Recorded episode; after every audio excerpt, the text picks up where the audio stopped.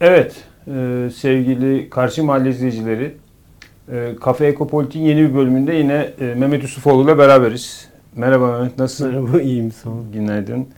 E, Sezgin Kartal arkadaşımıza buradan selam gönderiyoruz. Bütün Karşı Mahalle programlarının geleneksel açılışı olduğu bu dönemde kendisini özledik. E, umarım bu Nisan'daki duruşmada serbest bırakılır. E, Mehmet yani şimdi ekonomi açısından oldukça hareketli bir dönemdeyiz.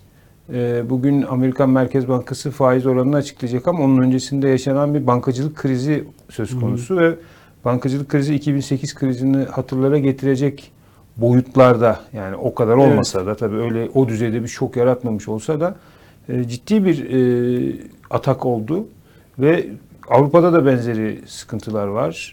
Bir telaşlılık hali var. Yani sen nasıl okudun bu krizi, nasıl değerlendirdin?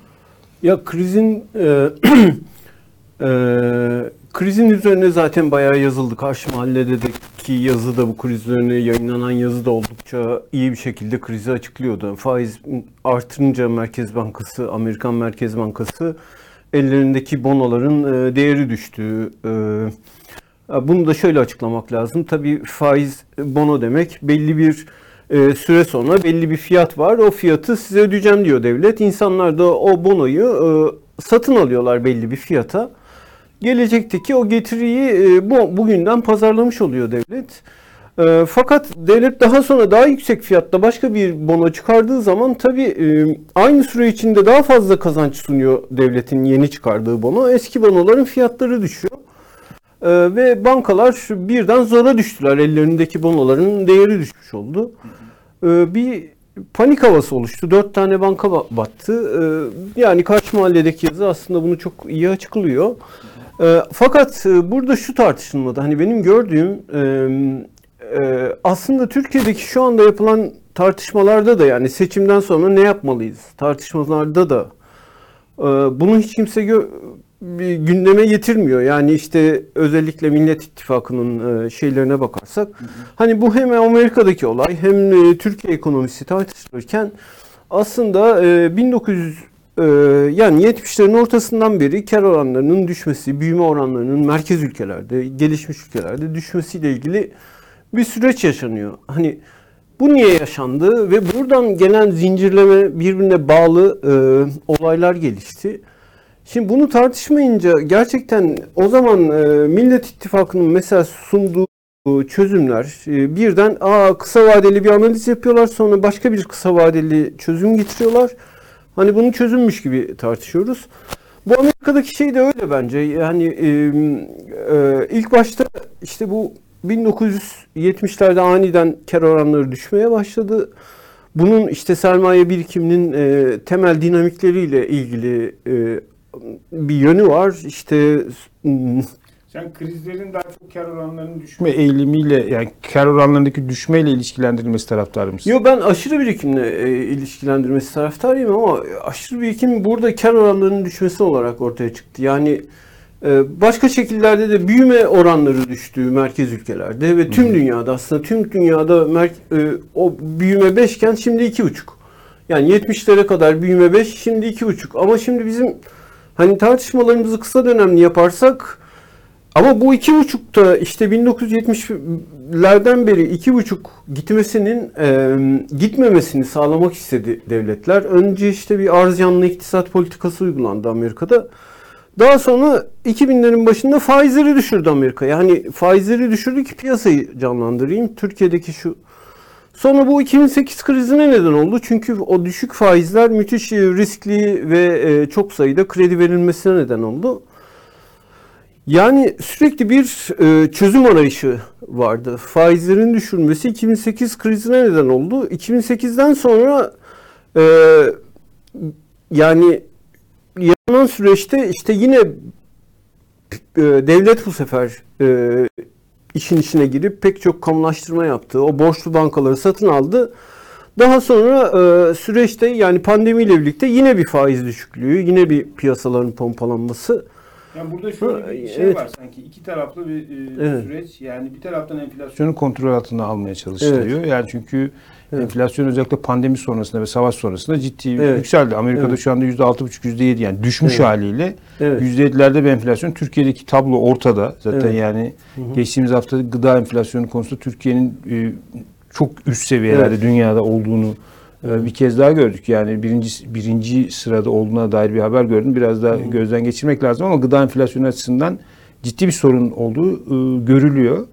E, bir taraftan da e, piyasalar özellikle finansal piyasalar düşük faize neredeyse e, bir eroinman gibi bağımlı hale gelmişler ve bu krizin kendisini de bankacılık krizinin kendisini de e, aslında merkez bankalarının e, faizleri düşürmesi yönünde ya da faiz arttırmalarını yavaşlatmaları yönünde bir politik hamleye de dönüştürmeye Aa, çalışıyorlar. Dolayısıyla burada bir e, sermaye fraksiyonları arasında karşı farklı kesimler arasında bir çelişkiden de bahsedilebilir. Çünkü enflasyonu düşürmeye dönük faiz arttırma politikaları aslında e, piyasaların alışmış oldukları bu e, çok düşük faizlerle sürekli olarak finanse edilmesi sürecini biraz sekteye uğratıyor gözüküyor. Bu Silikon Valley'deki mesele de dediğin gibi büyük oranda bundan kaynaklanmış gibi gözüküyor. Bu Hyman Evet. Minsky e, var. Yani Evet. işte post Keynesyen kurumsalcı.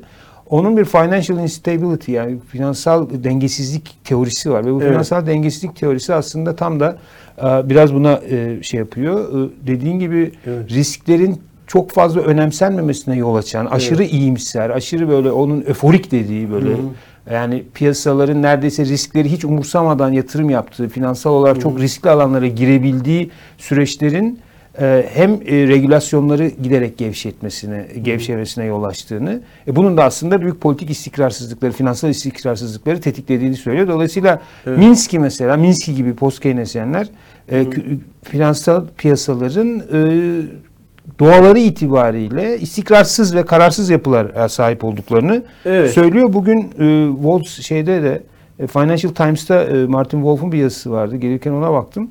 Orada da mesela şey tartışıyorlar yani. E, biz hani dört seçenek var bu krizi gözden geçirmek için e, ele, almak için. Bu seçeneklerden e, bir tanesi işi piyasalara bırakalım. Piyasaları terk edelim. Piyasalar bu işi çözsün. Yani bunun çalışmayacağı çok açık. Evet. E, diyor ve dolayısıyla aslında devletin ve regülasyonların yeniden güçlendirilmesiyle ilgili bir e, söylem geliştirmiş. E, Amerika'da hem e, büyük oranda bütün mevduatlara e, güvence getirilerek kısmen bu sorun çözülmeye çalışıldı.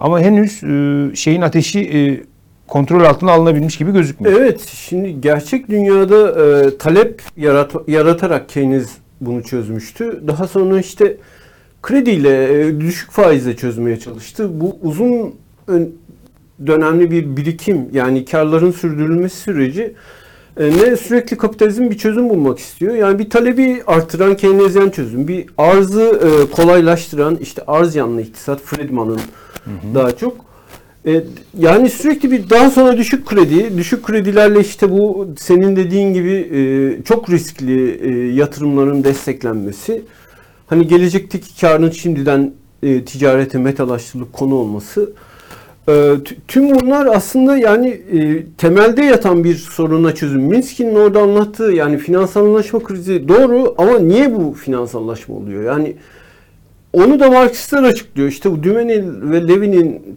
çalışmaları aslında bu uzun dönemli e, dinamikleri iyi ortaya koyan çalışmalar. Ben bu süreci hani bu süreci biraz daha e, genel olarak kapitalizmin dinamiklerinin yarattığı e, bir süreç olduğu Yani sonuçta bir verimsizlik var ve Evet. piyasalar yani Evet. önemli oranda kaynak halka da dağıtılmadığı için yani Evet. büyük oranda biriken bir artı değer var. Bu artı değer yani verimli yatırımlara da giremiyor çünkü sabit Evet. sermaye artışları, Evet. kar oranlarının düşmesinin en önemli Tabii. sebeplerinden bir Evet. tanesi. Dolayısıyla yani tekelci yapılar söz Evet. konusu hem üretim hem paylaşıma bir ket vurulmuş Evet. vaziyette büyük bir finansal sermaye birikiyor ve bu finansal sermayenin kendisi kendi kar edebileceği, kendisini genişletebileceği alanlar yaratmış vaziyette küresel ölçekte. Ama bu, bu yaratılan şeyin kendisi de e, yine sistem içi bir dengesizlik ve kararsızlık yapısı haline dönüşüyor. Evet evet sürekli bir e, yani palyatif bir çözüm bulmaya çalışıyormuş gibi o kontratifin yani uzun dönemli kapitalizmin krizleri meselesinin ben e, burada önemli olduğunu düşünüyorum yani bu tartışmada. e, sürekli bir çözüm bulunmaya çalışıyor. Ya ve bu çözüm aslında halkın şu açıdan bir yandan işine gelir gibi geliyor. Ya, ucuz kredi bulduk, ev alalım Türkiye'de diyelim. Ucuz kredi bulduk, ev alalım.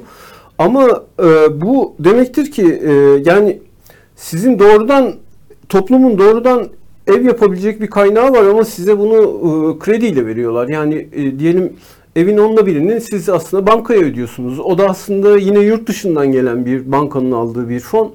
Dolayısıyla e, yani belki de yarı maliyeti finansa bütün gidiyor. bankaları masamıza oturtmuş oldular. Yani Oturmuş bu finansallaşma oldular, evet. süreciyle birlikte halkın bu kredilere kolay ulaşımı gibi gözüken Evet. aslında bir tür e, sanki e, gelir artışı tırnak içinde tüketebilme Evet. kapasitesinin artışı. Evet. Çünkü borçlanabilmenin kendisi artık bir meta haline geldi. Eğer bir Evet. borçlanabilecek bir mesleğiniz varsa, Evet. belli bir bordrolu şeyiniz varsa bu size bir miktar daha gelecekteki e, kazançlarınızı gün bugünden harcama olanağı sunuyor. Bu da e, düşük Evet. ücretleri kompanse eden bir mekanizma gibi çalışıyor. Evet, evet tabii ama bunu işte senin dediğin gibi yani bunu sürdürmeye çalışan bir sermaye grupları da oluşmuş oluyor. Yani bunun finans, inşaat sermayesi, finans sermayesi, işte emlakçılık yapanlar, genel yatırım ortaklığı, işte kira sertifikası almış olan insanlar, e, gayrimenkul sertifikası almış olan insanlar yani çok büyük bir yapı oluşuyor bunun arkasında.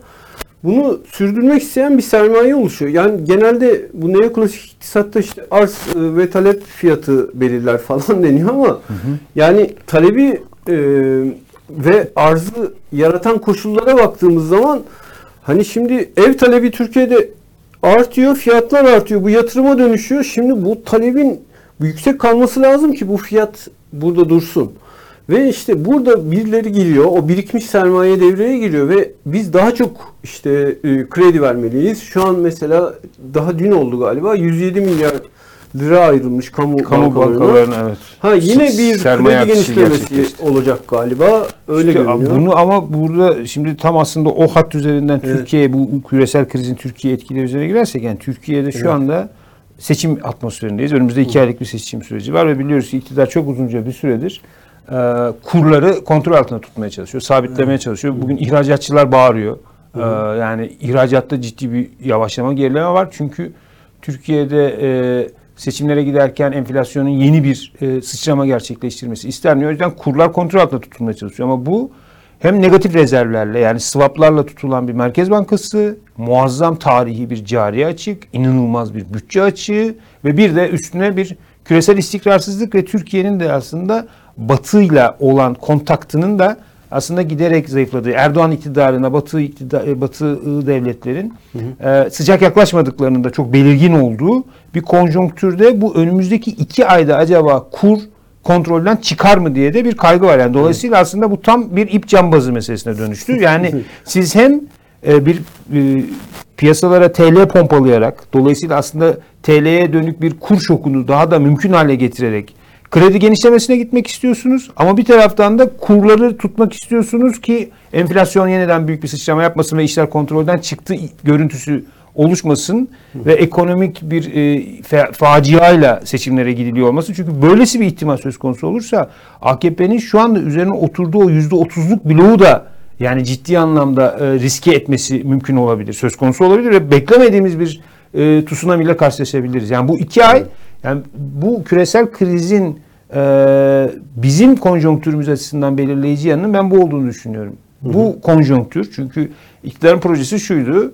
e, bu aylarda dediğin gibi kısmen bir kontrol Evet. altına almak ekonomik gelişmeleri, Evet. enflasyonu vesaireyi ve bir e, kredi sıçramasıyla, kredi genişlemesiyle bir tüketim e, tüketebilme hissini pekiştirerek yani Hı hı. seçimlere gitmekti. Şu anda hala bunu zorluyor gibi gözüküyor ama bunu bugün gerçekleştirmek çok daha e, kendileri açısından yıkıcı e, canavarları e, piyasaya çıkarabilir diye düşünüyorum. Mehmet Şimşek'in de aslında tam da bu konjonktürde e, masaya çağrılması ve e, bilmiyorum e, ben dün onu öğrendim.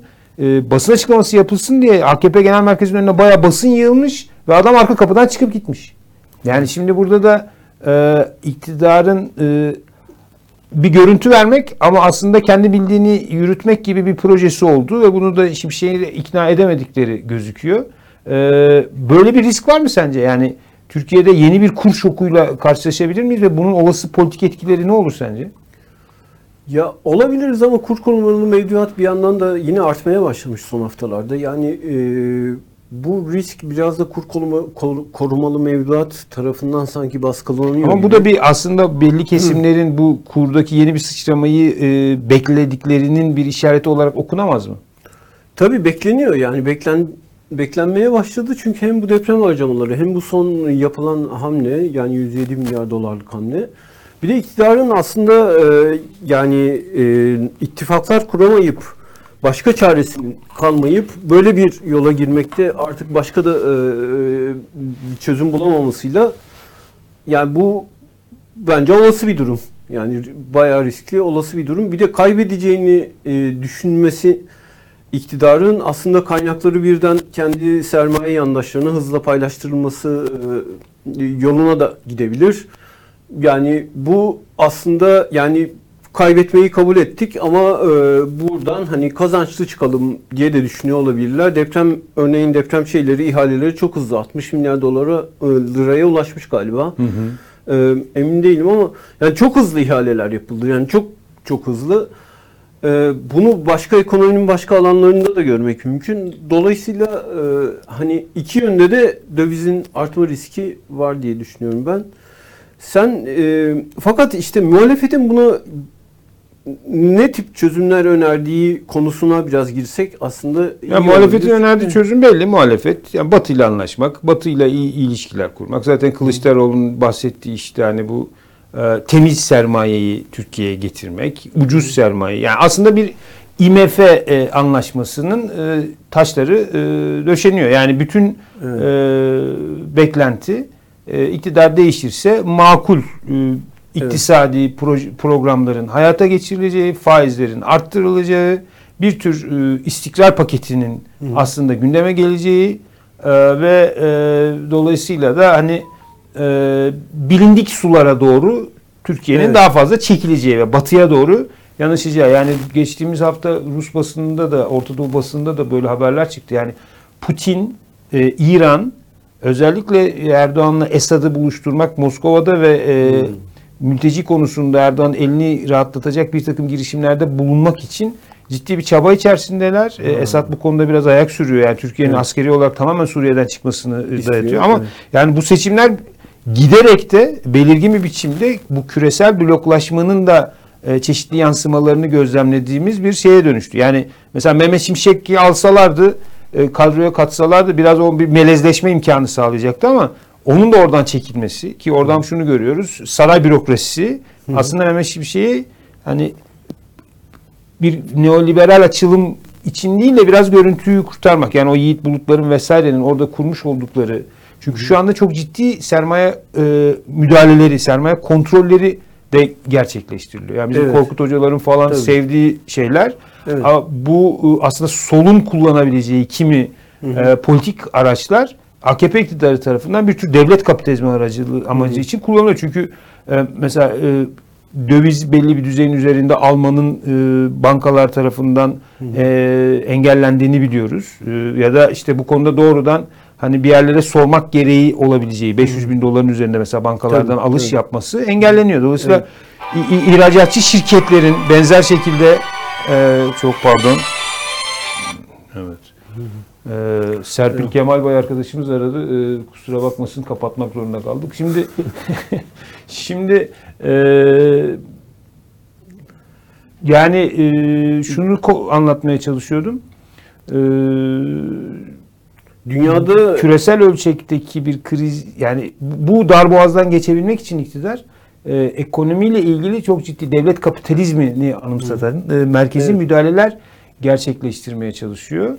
E, bu da tabii e, görüntü olarak da e, seçimleri yani iki bloğu, iki burjuvazinin iki bloğunu bir tarafta sırtını daha fazla Rusya'ya falan dayayan e, Batı ile arası giderek açılmış bir blok var. Bir Evet. tarafta da e, şey e, daha batıcı. Dolayısıyla da yani iktidarın e, muhalefetin olası bir e, şey projesinin e, ekonomi programının aslında doğrudan e, batıyla ilişkileri düzelterek oradan gelecek maddi kaynakların yaratacağı rahatlamaya bel bağlamış bir e, proje olduğunu söyleyebiliriz. Burada belki biraz e, şeye de geçebiliriz. Bu İzmir İktisat Kongresi Evet. tartışmasına da geçebiliriz. Yeni İzmir İktisat Kongresi.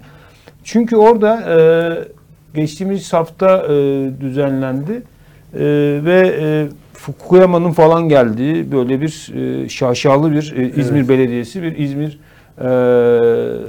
İktisat Kongresi düzenledi. Orada da aslında bunu okuma şansımız oldu. Yani bir e, TÜSİAD'ın ve e, kimi sermaye çevrelerinin işçi sınıfının taleplerini de içeriyormuş gibi gözüken biraz daha düzenli bir kurallı e, bir kapitalizm bölüşüm konusunun kısmen gündeme getirildi. Mesela şimdi burada şeyle bir e, toplantı şey yapılmış, e, röportaj yapılmış. Adil servet dağılımı için demokrasiye ihtiyaç var demiş. Yani e, ya da demokrasi için mi adil sermaye servet dağılımına e, ihtiyaç var demek daha doğru olurdu ama sonuçta e, burjuvazinin bu kliğinin e, servet dağılımını da biraz böyle gündeme getirdiği kıs, belki ılımlı bir e, sermayenin e, ne diyelim yani gelirli seviyesinin düzeltilmesiyle ilgili bir projenin içerilmesini de kapsayabilecek bir hegemonya projesi inşası çabası içinde olduğunu gözlemliyoruz. Evet bu kurumsalcı yaklaşımlara yani e, işte Daron Acemoğlu'nun falan dünyada e, yani temsil ettiği kurumsalcı iktisat yaklaşımlarına çok aslında teslim olmuş gibi görünüyor bu Millet İttifakı'nın hani projesi. Bu da işte e, 2002-2007 arasında AKP'nin iyi aslında Daron Acemoğlu ya da kurumsalcılar çok övüyorlar. Çünkü niye? Üst kurullar kuruldu. Bunlar özerkti. işte piyasa üst kurulları e, piyasayı daha teknik olarak e, teknik gereklilikler çerçevesinde iyi yönettiler diye bir açıklama. Aslında bu kurumsalcı yaklaşım e, yani CHP'nin daha önce geçen yıl yaptığı örneğin ekonomide e, yeni arayışlar için işte Kılıçdaroğlu'nun konuştuğu ve pek çok iktisatçının katıldığı, Daran Acemoğlu falan e, işte yani pek çok iktisatçı katılmış. Belediye başkanları da katılıyorlar. Orada da bunu görebiliyoruz aslında. Bu yani liyakat dediğim şeyi de aslında Kılıçdaroğlu'nun yani bu kurumsalcı çerçeveden. Yani bu e, aslında bir kısmı bunun bir daha olamayacağını fark ediyor. 2002-2007 arası dünyadaki koşullar şu anda yok diyenler var. Ama aslında yani e, Marksist iktisatçılar bunun zaten kapitalizmin genel birikim süreçleriyle ilgili olduğunu söyledikleri için zaten bunun yani 2002-2007 arasının yeniden tekrar edilemeyeceklerini söylemiş oluyoruz aslında oluyorlar. Dolayısıyla hani daha genel bir çerçeveden e, bakan e, gerçekten emekçilerin adına bir çözüm anlamına gelmiyor. Yani sermaye adına bir çözüm olarak görmek lazım. Zaten burada Daran, Daran Acemoğlu burada söylüyor. Yani verginin e, e, vergi oranlarını işte biraz arttırabiliriz ama daha çok arttırmak ya da işte asgari ücreti çok arttırmak bunların hepsinin zararlarını falan anlatıyor bir yandan da. Hı hı. Aslında çok e, yani bir sermaye projesi olduğu bunun açık e, diye düşünüyorum. Bu e, yani kurumsalcı iktisat e, anladığım kadarıyla bundan sonra biraz şey olacak. E, CHP'nin e, hani izleyeceği yol olacak diye düşünüyorum. Evet yani bu İzmir İktisat Kongresi'nin seçilmesi de aslında e, tabii 100. yıl e, İktisat Kongresi'nin de e, İzmir'de düzenlenmiş e, 1923'te ve tam biliyorsun Lozan'ın e, sekteye uğradığı, e, 2 Şubat'ta Lozan görüşmelerinin kesintiye uğradığı bir Aralık'ta gerçekleşmiş. E, ve 17 Şubat 4 Mart tarihleri arasında Türkiye'nin dört bir yanından o dönemde 1143 delegenin 1135 delegenin katılımıyla Hı. düzenlenmiş. Ee, kimileri tarafından hani o dönemde muazzam bir e, iktisat kongresi gerçekleştirildi ve bunun Türkiye'nin daha sonraki döneminde damgasını vurduğu söyleniyor ama yakından bakıldığında aslında pek fazla iktisadın konuşulmadığı bir kongre. Yani hmm. e, sonuçta şöyle bir mesaj var. E, e, yeni cumhuriyet İttihat Terakki'nin Milli İktisat Projesi'ni aslında büyük oranda devralıyor ve Milli İktisat Projesi'nde hani küresel sermayeyle o dönemin dünya kapitalizmiyle eklemlenmiş olan gayrimüslim burjuvazinin tasfiyesi yani Osmanlı'nın son döneminden itibaren başlayan bir sermayenin Müslümanlaştırılması, Osmanlılaştırılması projesinin daha milli millici bir, milliyetçi bir e, görüntüyle e, aslında e, devam ettirileceğini, mesajının verileceği, yabancı sermaye kesinlikle karşı olunmadığı ama yabancı sermayenin de e, kiminle iş yapacağı konusunda doğru tercihlerde bulunmasının gerektiği, yani gayrimüslimlerin değil e, Türk burjuvazisinin tercih edilmesi gerektiği ve devletin de her türlü şekilde Türk burjuvasının arkasında olduğunun e, mesajının verildiği bir toplantı. E, yani Batı'ya mesaj vermek için e, yapıldığı söyleniyor ama Batı'ya mesaj vermek için neden Türkiye'nin dört bir yanından 1135 kişiyi toplamak Şubat'ın ortasında kar kıyamet yani e, yol yok, iz yok, bir şey yok böyle çok garip bir e, zamanlamayla bu toplantı orada gerçekleştirilmek istenmiş. O da belli değil. O şöyle enteresan bir şey var. E, Kasım ayında e, yani 1922'nin Kasım ayında yani İzmir'in kurtuluşunun sonrasında İstanbul'da bir Milli Türk Tüccarlar Birliği diye bir şey kuruluyor. Bu Milli Türk Tüccarlar Birliği hazır yani e, İstanbul sermayesi Kurtuluş Savaşı'nda çok aktif bir rol alamamış. Hızlıca bu e, savaş sonrası konjonktürde bir inisiyatif geliştirmeye çalışıyor ve Ankara hükümeti diyor ki siz şey yapmayın, kongre yapmayın. Biz İzmir'de yapacağız bir tane kongre. Ben onu mesela biraz e, Kurtuluş Savaşı'nı yürüten Anadolu eşrafının bütün ipleri İstanbul Burjuvası'ne e, vermeme çabasının bir e, ürünü olan bir engelleme olarak okudum. Daha sonra tabii İstanbul Burjuvası ile e, Türkiye'nin dört bir yanından gelen eşrafın ve büyük çiftçilerin kaynaştığı bir ortam oluyor. Ama bir işçi grubu da var enteresan bir şekilde. E, ve bu işçi grubu programının bir kısmını Şefik Üstü'nün e, Aydınlık Gazetesi'nden de yazılmış o dönemde yazılardan feyz alarak da şey yapıyor. Aslında işçi grubu e, Umum Amele Birliği diye Milli Türk Ticaret Birliği'nin yan kuruluşu. Yani aslında Burjuvazi tarafından kurulmuş bir işçi birliği. Ama mesela e, İzmir İktisat Kongresi'nde 1 Mayıs'ın bir işçi bayramı olarak kabulü e, maddesi geçiyor. E, sendika hakkı geçiyor. Grev kanunun yeniden düzenlenmesi var. E, 34 tane işçi talebi de kabul ediliyor ama bunların hiçbiri uygulanmıyor. Yani 1937'ye kadar Türkiye'de iş kanunu bile çıkmıyor. Ee, İzmir İktisat Kongresi'nin temel sonuçları banka kurulması, iş bankasının oluşturulması. Çünkü aynen o dönemde de Milli Burjuvazi nüveleri şunu söylüyorlar. Ee, Rumlar, Ermeniler kendi bankalarından ucuza kredi alıyorlar ve bununla e, büyük sermaye birikimi yapıyorlar. Bize bu bank bu kredileri verecek bankalar yok. Bu bankaların kurulması lazım. Ee, er- e, Mustafa Kemal'in Afganistan'dan gelen paralarla kurdurduğu Türkiye İş Bankası aslında 1924'te tam da bu ihtiyaç için kuruluyor ve milli burjuvazinin yetiştirilmesi noktasında biliyoruz ki bu bankalar çok önemli bir rol oynuyor ve bir o dönemde bir yerel e, bankalar furyası da var. Yani mesela Adapazarı'nda, Konya'da aklımıza gelebilecek birçok yerde bir sürü e, milli burjuvazinin o dönemki sermaye birikimini e, destekleyecek küçük yerel bankalar da oluşuyor. Enteresan bir dönem İzmir İktisat Kongresi. Yani İzmir İktisat Kongresi sonuç itibariyle e, bir sınıfsız imtiyazsızlık hikayesi içerisinde Burjuvazinin Cumhuriyete mührünü vurduğu bir e, adım olarak okunabilir. Bu İzmir İktisat Kongresi de aslında e, bu şekilde nitelenebilir. Restorasyon projesine vurulan e, Burjuvazinin bir mührü olarak bunu okumak mümkün ama bu mührün içerisinde de işçi sınıfını da e, hegemonik bir projeye katmak için kimi söylemlerin içerildiğini görüyoruz. Burada en önemli sorun e, Türkiye'de e, sosyalist muhalefetin işte HDP'nin de e, yani HDP'nin tabii bu ekonomi konusunda ne kadar e, etkili söylemler geliştirebileceği önümüzdeki günlerde göreceğiz. E, ama bu konuda çok daha belirgin bir e, emek programı, emeğin programını tartıştırabilir olmak hepimiz açısından son derece önemli diye düşünüyorum. Yani e, HDP'nin mesela Kılıçdaroğlu'nun herhalde bugünkü toplantıda e, bu ilan edilecektir.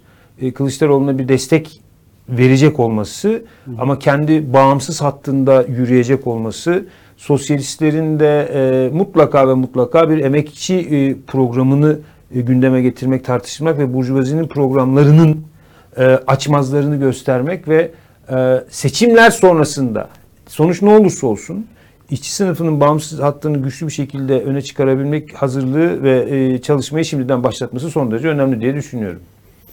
Evet ben de öyle düşünüyorum. Yani e, AKP'nin e, bu inşaat e, yani 3 yapılan yatırımdan ikisi inşaata gidiyordu. AKP sürecinin genel ortalaması böyle. Şimdi inşaatı e, yatırım yapması aslında isti- istihdamı biraz yüksek tuttu. Yani istihdam İkincisi e, bir talep e, talep artışı yarattı. Üçüncüsü de işte tabii belli kurumların e, kar etmesine neden oldu. Bankalar işte risksiz bir şeydir konut kredisi. Çünkü yani konut kredisi ödenmediği zaman eve el koyarsınız. Mortgage, yani evet. risk yoktur mortgage.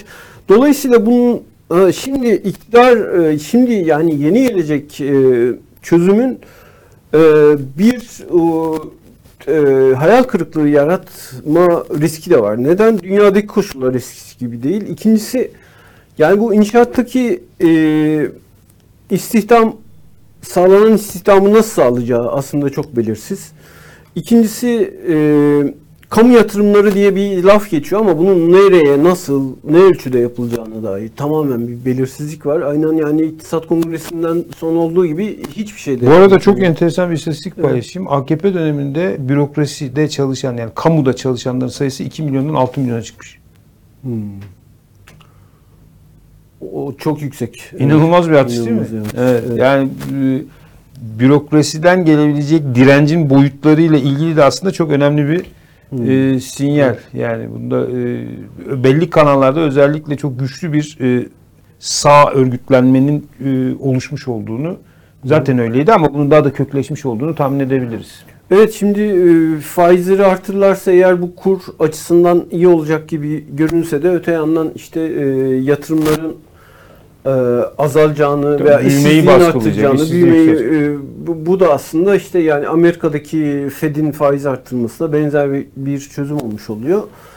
E, yani bir acı reçete programı var öte yandan da. Ha tabii ki yani bir faşizm ile karşı karşıyayız. Yani bugün e, işte tweet atamıyoruz ya da işte e, ne bileyim hukuk diye bir şeyin kalmadığını herkes görüyor açık açık. Yani kayyum atamaları, ha bunların kaldırılmasını sonuna kadar e, için mücadele etmek lazım. Yani desteklemek lazım ama öte, yan, öte yandan da hani bunun bir sermaye programı olduğunu, bir acı reçete olduğunu da söylemek lazım. Ee, yani buna yönelik çözümler e, çok gerçekçi görünmüyor e, benim açımdan. E, yani bunu söyleyebiliriz diye düşünüyorum. Evet yani sonuç itibariyle e, önümüzdeki dönem e, hayal kırıklığı yaşamaya e, gerek yok. Yani sonuçta Evet. bu iki tarafında burjuvazinin programını Evet. savunduğunu çok net bir şekilde biliyoruz ama burada esas sorunumuz bizim e, emekçilerin kendi programını ayakları güçlü bir şekilde halk örgütlenmesine basan bir sahici tabanla birlikte güçlü bir biçimde e, dövüştürebildiğimiz bir atmosferi yaratabilmek.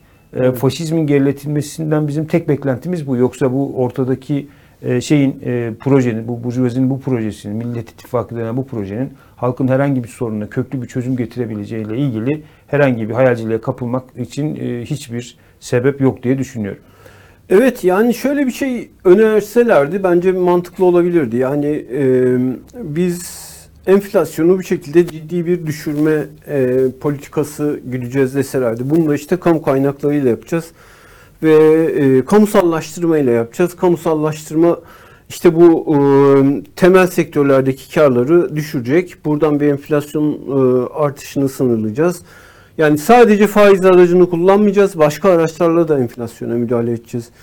Diyebilselerdi enflasyon artmazsa zaten kurun artışı ister istemez e, engellenmiş olur. Çünkü enflasyon paranın değersizleşmesi demek. E, Evet. Dolayısıyla kuru doğrudan etkileyen bir mekanizma. Yani böyle e, şeyler göremedim ben programda. E, program genel olarak işte bu e, Yani yani bir- kurumsalcı, piyasacı e, Amerika'dan gelen Evet. prenslerin ve babacanın Evet. bir Hı hı. projesi, programı var. Yani burada CHP'nin zaten yani CHP'nin sol kanadı deniyor. Selin Sayık Bökeler falan e, arada kendilerini görünür hale getiriyorlar ama ekonomik olarak bu çerçevenin e, e, zemini, e, Millet İttifakı'nın zemini büyük oranda e, iyi AKP döneminin ekonomi politikaları. politik. evet. Evet bugün e, de böylece toparlamış olalım Mehmet. Çok teşekkür ediyorum. 15 gün sonra görüşmek üzere. Yeni bir Kafe Ekopolitik e, programında e, gelişmeleri hep birlikte e, değerlendirmeye çalışacağız. E, İyi günler diliyoruz İyi bütün günler. izleyicilere.